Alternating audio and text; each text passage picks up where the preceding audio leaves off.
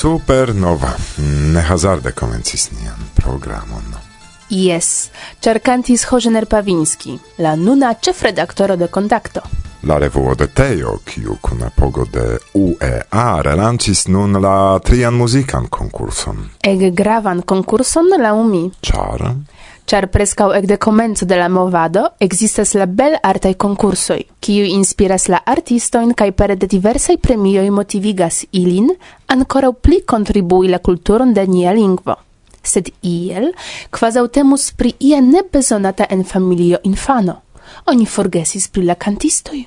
Do iam canton tiel gravis, gravis tio facte, kio estis presita. Yes, sed nun, almenau por multaj hodiaŭaj generacioj, canto cae musico vere tre gravas. Exemple, sen musico cae furor cantoi, qui ege mi shatas, mi ne imagas mian ciutagan vivon. Anca mi. Giuste. Suficias rigardi vian collecton de vinilai discoi. Do, mm, felice che iu, cae tiu iu, estas giuste musicisto cae cantisto kiu prenis sur sin ankaŭ la gravan taskon redakti kontakton. Tuj venis al concludo che se la mondo evoluas, evolui ankaŭ bezonas nia movado. Tiel nun jam la tria muzika konkurso en tri kategorioj: kanto de la jaro, premio de la publiko kaj nova talento. La unuan eh, concurson partoprenis dexes artistoin, kai pasintiare dec kvar. Kiom da ciare? No, ni vidos. Oni diras che se vi ne zorgas pri la cevalo, ne calculu che gi tiros la charon, char gi mortos. Kiu tion diris? Mi. Mi comprenas al ludo politica. Eble iam ja aktualas la temo en Polando, temo pri ĉevaloj, kompreneble.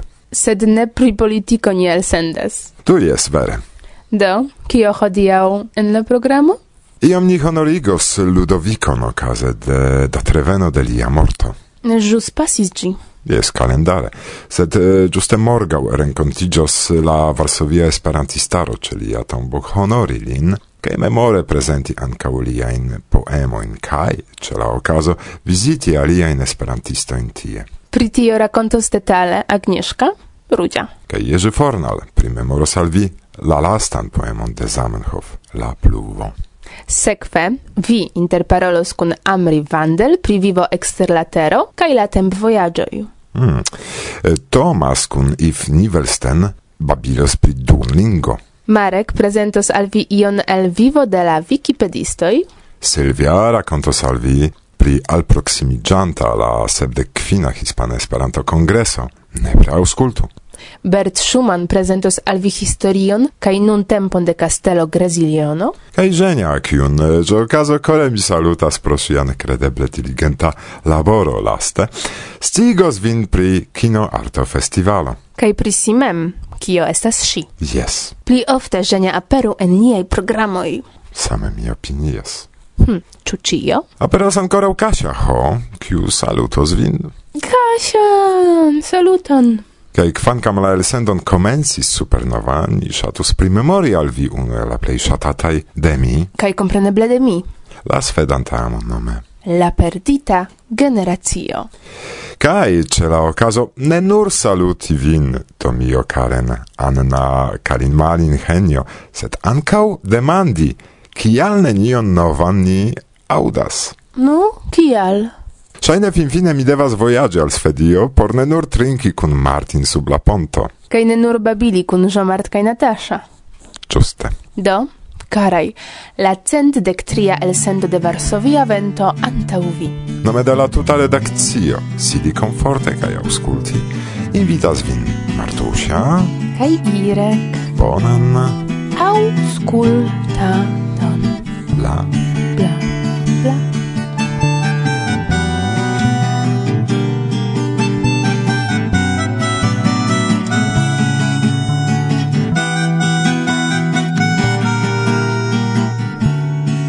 granda surprizo. Revidi amicoin Resti tro longe Malevitebla e fico. Attentema commenzo. Convinkis la menzon Triangulo, ciangulo Via l'angulo Vidi vin Sometimes si sembra la play Bonaparto Mirinda Revido, Mirinda Amarto. Mirinda Revido, Mirinda Amarto. E pomo macciata Musico del buscio. gentila kai forta, cae malseca la tuscio.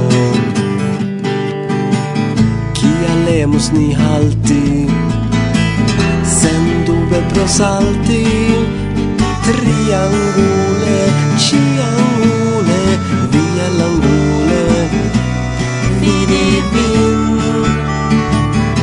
chi santa in unul alian, esi sempre la Bonaparto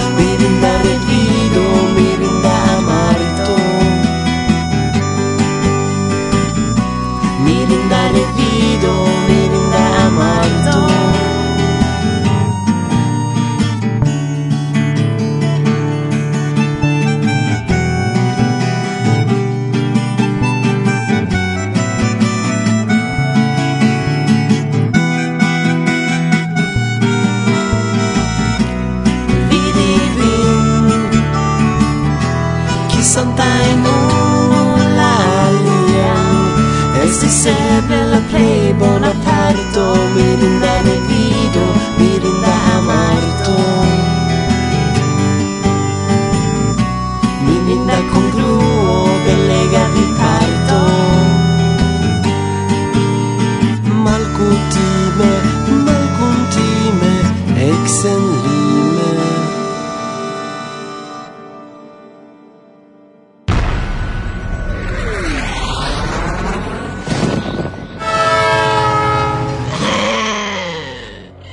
Varsovia Vento.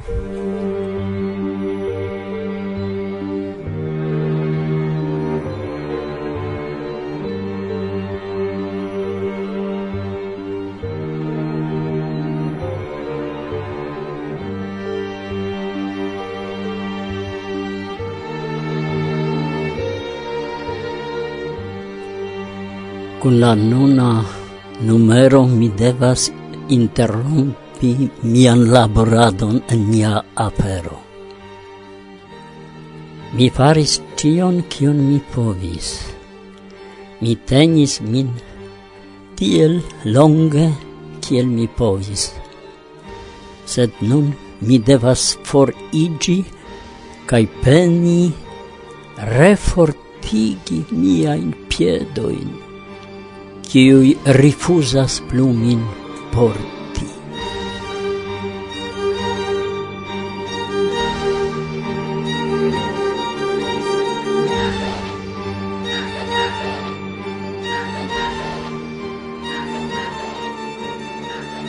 Tiam pluvis, estis malvarme. Ĉe la tombo malĝoje ekkantis Leo Belmont. Ne venis polujo cadavron honori de io Pollanda de monda sagiul. Ho, kiel sangigis en mi pola cor, malricai hebreoi nur venis post char mortis boncora helpant oculisto.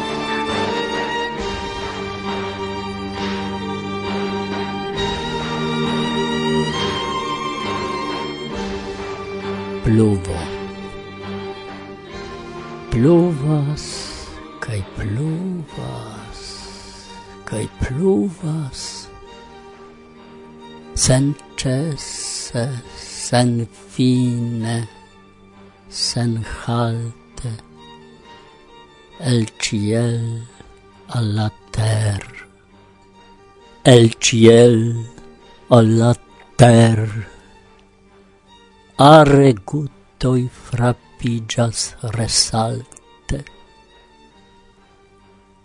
Tra la sonoi del pluvo al mia orelo, murmurado penetras mistera, mi revante auscultas.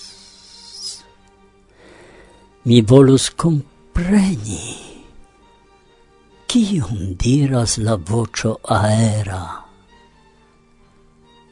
Quasau ia sopir en la vocio cascigas, cae audigas en gi rememoro, cae per sento plei stranga, malgioia cae gioia. En mi batas confuse la coro, Ciu la nuboi pasintai, iam ofte vidatai, rememore en mi revivigis, au mie revas prisun, kiu baldau aperos, quancam gi en la nuboi cascigis. Mi ne volas esplori, la senton misteran, mi nur revas, cae giuas, cae spiras, ion freshan mi sentas, la fresho min logas. Alla fresho, la coro min tiras.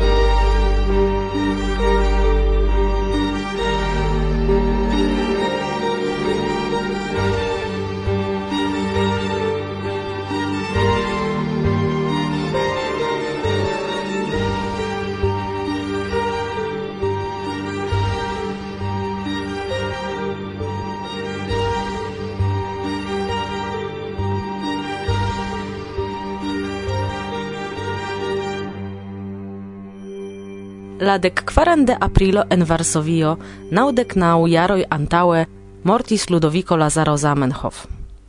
Okaze de tiu dat reveno, la Varsovia esperantistaro collectigios dimanche ce la monumento tombo por rememori nian maestron, creinton de la internazia lingvo esperanto.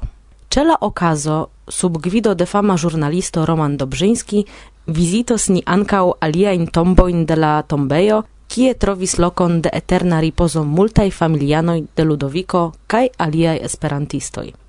Naŭdek naŭ jarojn antaŭe en tiu ĉi sama loko kolektiĝis ne nur familio, ne nur famaj kaj malpli famaj esperantistoj, sed ankaŭ multaj varsovianoj, por kiu doktoro Zamenhof estis simple bonkora okulkuracisto, helpanto al malriĉuloj. Dum interparoloj do pri la fundamento, pri la gramatikaj reguloj, Pri bonaj au malbonaj lingvaj solvoj ofte ni forgesas, ke Ludovico curatis sen page, pro kio anca uline esis estis kai kion gainis, tion dividis inter familio kaj Esperanto, porque hodiau vi audu nian elsenton giuste en la lingvo de lia vivo. Venontiare jara dat datreveno de tiu trista evento. Do, char temas pri jubileo, nia Varsovia Esperantista Rondo planas serion de diversai rencontigioi kaj eventoj, kies celo estos pli proximigi personecon de Zamenhof, gian penadon kaj uzi la okazon rencontigi ankaŭ eble kun vi. Tiu serio komenciĝos aprile kaj finiĝos decembre, pri kio detale ankoraŭ u vineni sciigos. Aŭskultu do niajn programoin, se vi shatus venontiare viziti Varsovion kaj Pollandon bla bla bla.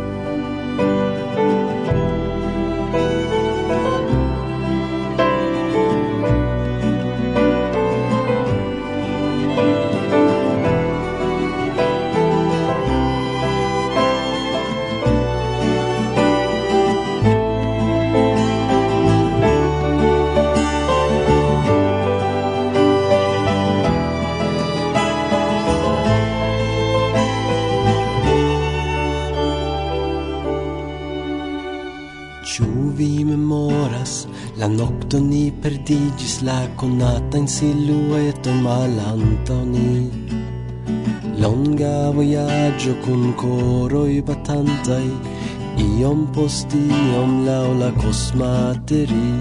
Fin fine ocasis la pet vetturado Fin fine ne giravas la limo de russi. Shainas vi prescau kiel mi Kiel mi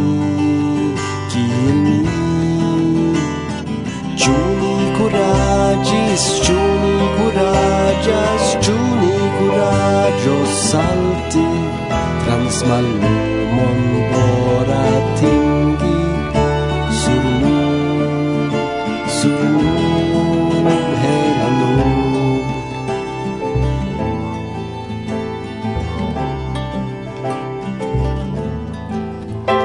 Verŝajne pri steloj kaj eblas pri maroj kaj krome pri ĉielo cante ni Sed vorto nun mancas la tempo malaperis.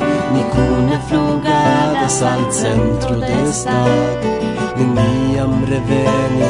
Nenio por timi Neniel cerbumante pritendanta melodi. Shainas mi presca kiel vi? Kiel vi? Kiel vi?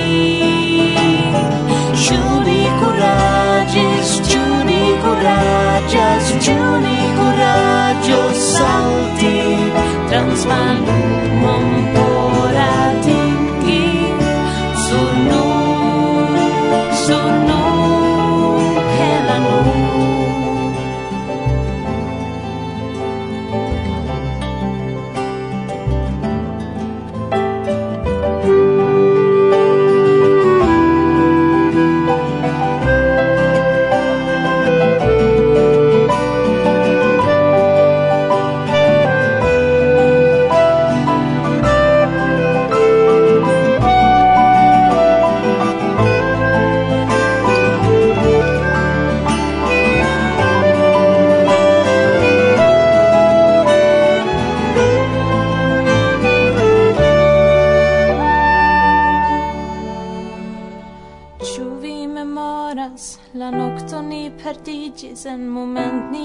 transiris capton in liber.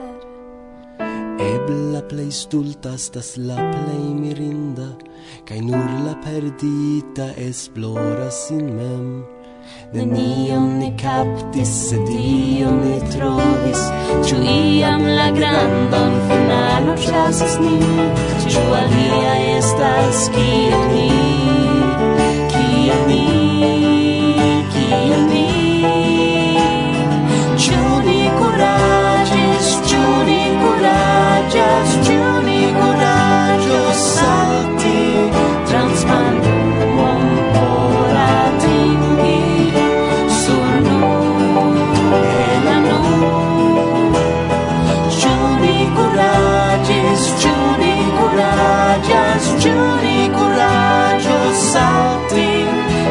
my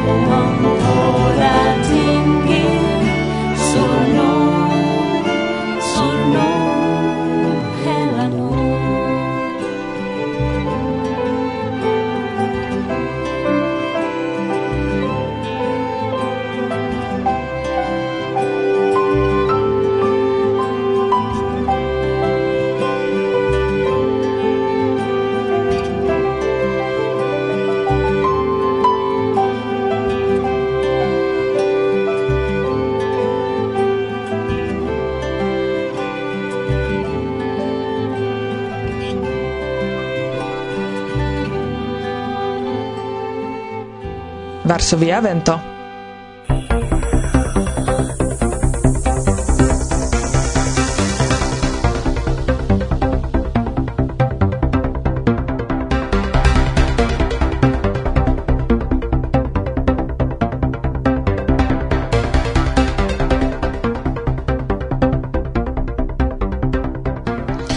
caraj auscultantoj, antaŭ mi. Saluton, mi estas Amri Vandel, kaj occupigas pri multae aferoi, mi shatas voyagi, conatigi cun multae homoi, En tiu cio caso mi rencontigas en la noviara rencontigio, kie ni anca havas quelcain prelegoin. Mi vidis che vi presentas eblon che la vivo ne estas nur sur la tero, sed ancau exter, ciu estas vero, che existas ie en cosmo vivo.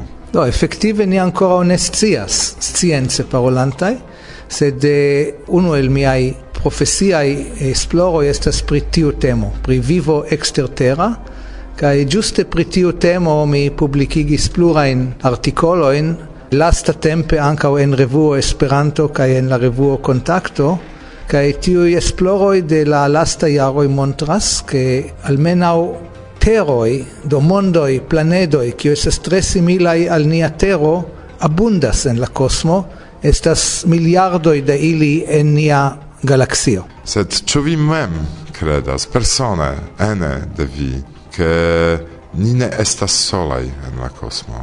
La demando estas kion signifas solaj. Ĉu se vi trovas alian planedon kun eh, plantoj kaj simplaj bestoj, tio signifas ke ni ne estas solaj?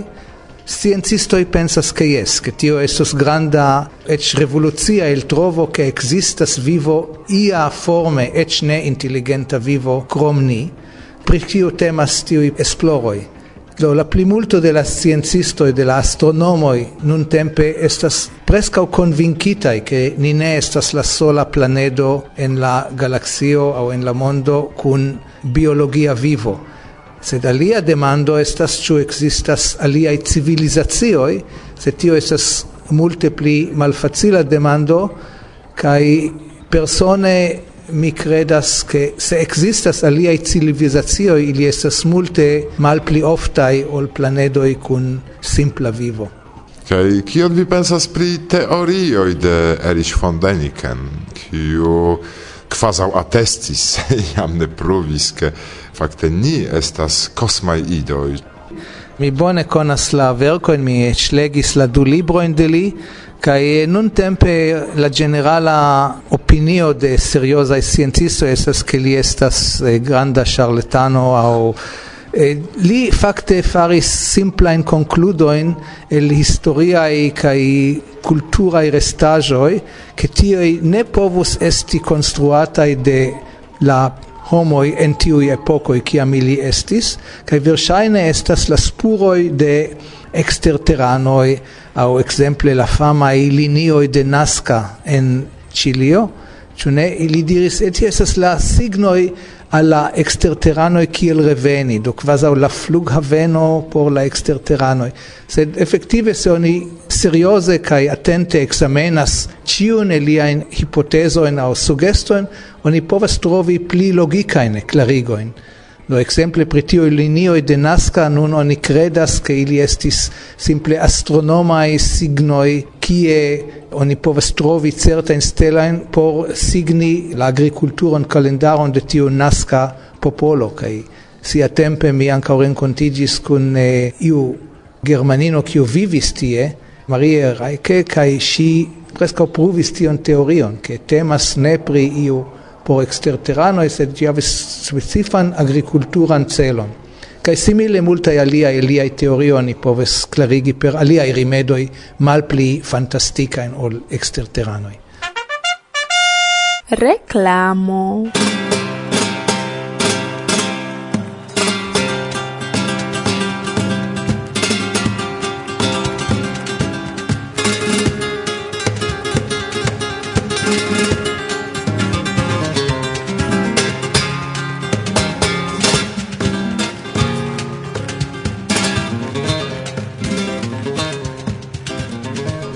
Shatas Hispanion, gian interesan kai viglan kulturon, varmajn dancojn, bongustajn manĝojn kaj trinkaĵojn? Ĉu vi ŝatas Esperanton, la lingvon kiu ligas nin ĉiujn, kie ajn ni loĝas? Tiuj ambaŭ temoj renkontiĝos venontiare inter la trideca de junio kaj quara de julio 2016 en Herra malnova kaj fascina urbeto kie okazos la jubilea sepdek kvina hispana kongreso de Esperanto. Interesiĝu pri la evento, planu tempon veni, vidi kaj ĝui la hispanan tradicion kaj la internacian etoson. La Hispana Esperanto Federacio kore invitas vin kune festi la jubileon en akompano de zorge kaj riĉe preparata programo. Ne tradormu tiun okazon. La jubileo okazas nur unu foje. Bonvenon!